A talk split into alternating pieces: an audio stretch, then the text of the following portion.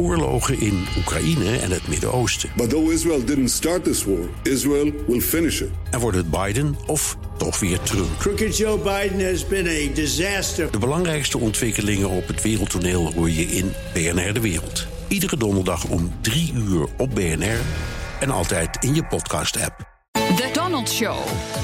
Tijd voor een update over de United States of Trump met Amerika-watcher Jan Postma. Uh, Jan, het Witte Huis is in rep en roer vanwege de uitspraken van Steve Bannon in het nieuwe boek Fire and Fury. Nou, schrijf jij toevallig op dit moment zelf ja. een boek over de adviseurs van Trump, waarin een heel dik hoofdstuk over uh, Bannon. Dus ik mag jou wel een Bannon-expert noemen. um, uh, waarom doet Bannon die aanval op zijn oude vriendje? Ja, dat, dat is een hele goede vraag. Dat is eigenlijk wat in Washington dan ook uh, rondgaat, hè, die vraag. Het kan gewoon wraak zijn. Hij is vervelend weggegaan uit het Witte Huis. Het kan zijn dat hij zichzelf weer in het boek wat, wat, uh, ja, wat groter heeft willen neerzetten. Dat zie je ook, dat is echt in alle artikelen en alle boeken waarin Steve Bannon voorkomt. Dan zet hij zichzelf altijd neer als echt nog groter en nog belangrijker dan hij was. Hij was ook heel belangrijk en is dat nog steeds, denk ik, voor Trump. Maar hij vindt het leuk om dat uit te vergroten. En ik denk de belangrijkste reden is dat hij Trump onder druk wil zetten. Steve Bannon ziet zichzelf als ja, de, de, man die eigenlijk het populisme in het Witte Huis moet verdedigen. Uh, Trump die wordt door allerlei mensen om hem heen beïnvloed. Zijn schoonzoon, uh, zijn stafchef, uh, Gary Cohn, die economische adviseur. Allemaal mensen die dingen willen waar Bannon het niet mee eens is. En Bannon wil dus dat Bannonisme, dat populisme, dat wil hij verdedigen. En, en dat, dat, probeert hij dus nu van buiten het Witte Huis ook nog steeds te doen. Ja, er druppelt nog steeds van alles door uit dat boek. Het moet nog officieel verschijnen, maar er zijn allerlei grote stukken al in tijdschriften en kranten. Waar maakt Trump zich nou het meest boos om? Nou, ik denk echt wat het meeste los heeft gemaakt bij Trump is, is die, die uitspraken over het, uh, het Rusland-onderzoek. Uh, Donald Jr. en Jared Kushner, de schoonzoon, die hadden een afspraak met een Russische advocaat in Trump Tower. Nou, dat was die afspraak waarvan dan werd gezegd: we hoopten op wat dirt over Hillary. Dat zat er niet in. Dus waar hebben we het over, zegt de Trump-campagne dan? Uh, nou, Steve Bannon heeft in dat boek dus gezegd: dit was verraad. Dit was wel degelijk echt een big deal. Dit is een enorm groot probleem. Dus hij had ja. meteen de FBI moeten inschakelen. Ja, inderdaad, dat zeiden ze. hadden meteen ja. moeten bellen. Ja. Wat is dit? Nou, dat is natuurlijk echt een dolksteek voor, voor, voor Trump. Want die, die probeert juist dat Mueller-onderzoek uh, klein te houden. Uh, dus dit is echt iets waar, waar Trump zich heel erg boos uh, om maakt. daarnaast zijn er ook nog wat dingen waarin hij echt belachelijk wordt gemaakt. Hè. Hij zou dan, Trump, die zou om, om half zeven s'avonds al in bed liggen... met tv-scherm voor zich, zijn telefoon bij zich en een Big Mac. Dan ligt hij daar al te, te eten, terwijl onder nog gewoon gewerkt wordt in het Witte Huis. Uh, en uh, dan zit hij te tweeten. En, en hij zou dan ook een beetje paranoia zijn. Hij wil eigenlijk niet eten uit de keuken van het Witte Huis. Want misschien wordt hij wel vergiftigd. Nou, dat soort dingen. Ja, daar is Trump natuurlijk helemaal niet blij mee. Dat vindt hij vreselijk. Nee, het lijkt op het verhaal over een farao, denk ik dan.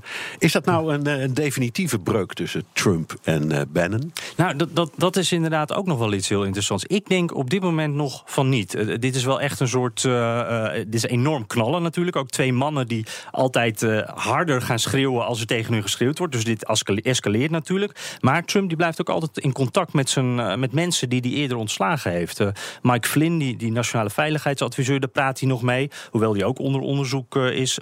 Lewandowski, die oud-campagnebaas, daar belt hij nog regelmatig mee. En ook Bannon, daar heeft hij echt nog heel regelmatig contact mee gehad. Sinds Bannon ontslagen is uit het Witte Huis.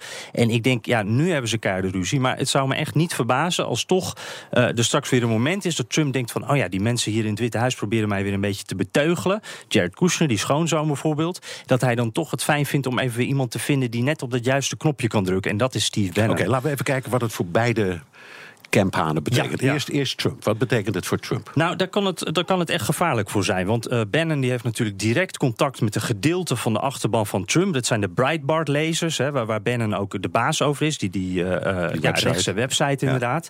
Uh, dus als daar dat gedeelte van de kiezers een beetje vervreemd van Trump... kan het echt problemen opleveren voor de verkiezingen... die ook voor dit jaar natuurlijk alweer op de rol staan. het is maar de vraag of dat gaat gebeuren. Want welke kant kiezen, ze, kiezen die mensen? Maar die worden op deze manier wel een beetje beetje gedwongen om of die populistische kant van de Republikeinse Partij of een beetje de gematigde kant te kiezen. En wat betekent het voor Bannon? Ja, dat is nog wel een hele interessant. Want Bannon die heeft een groter doel. Hè. Die, die, die ziet eigenlijk Trump als een. hij heeft het wel eens een, uh, een bot instrument genoemd, die Trump. Van nou ja, ik wil mijn populisme wil ik over de wereld verspreiden. Dat kan dan goed via Trump, maar het kan via iedereen. dus hij ziet een groter doel. En het is maar eventjes de vraag of hij los van Trump ook dat grotere doel, dat populisme van hem, of hij dat verder kan verspreiden.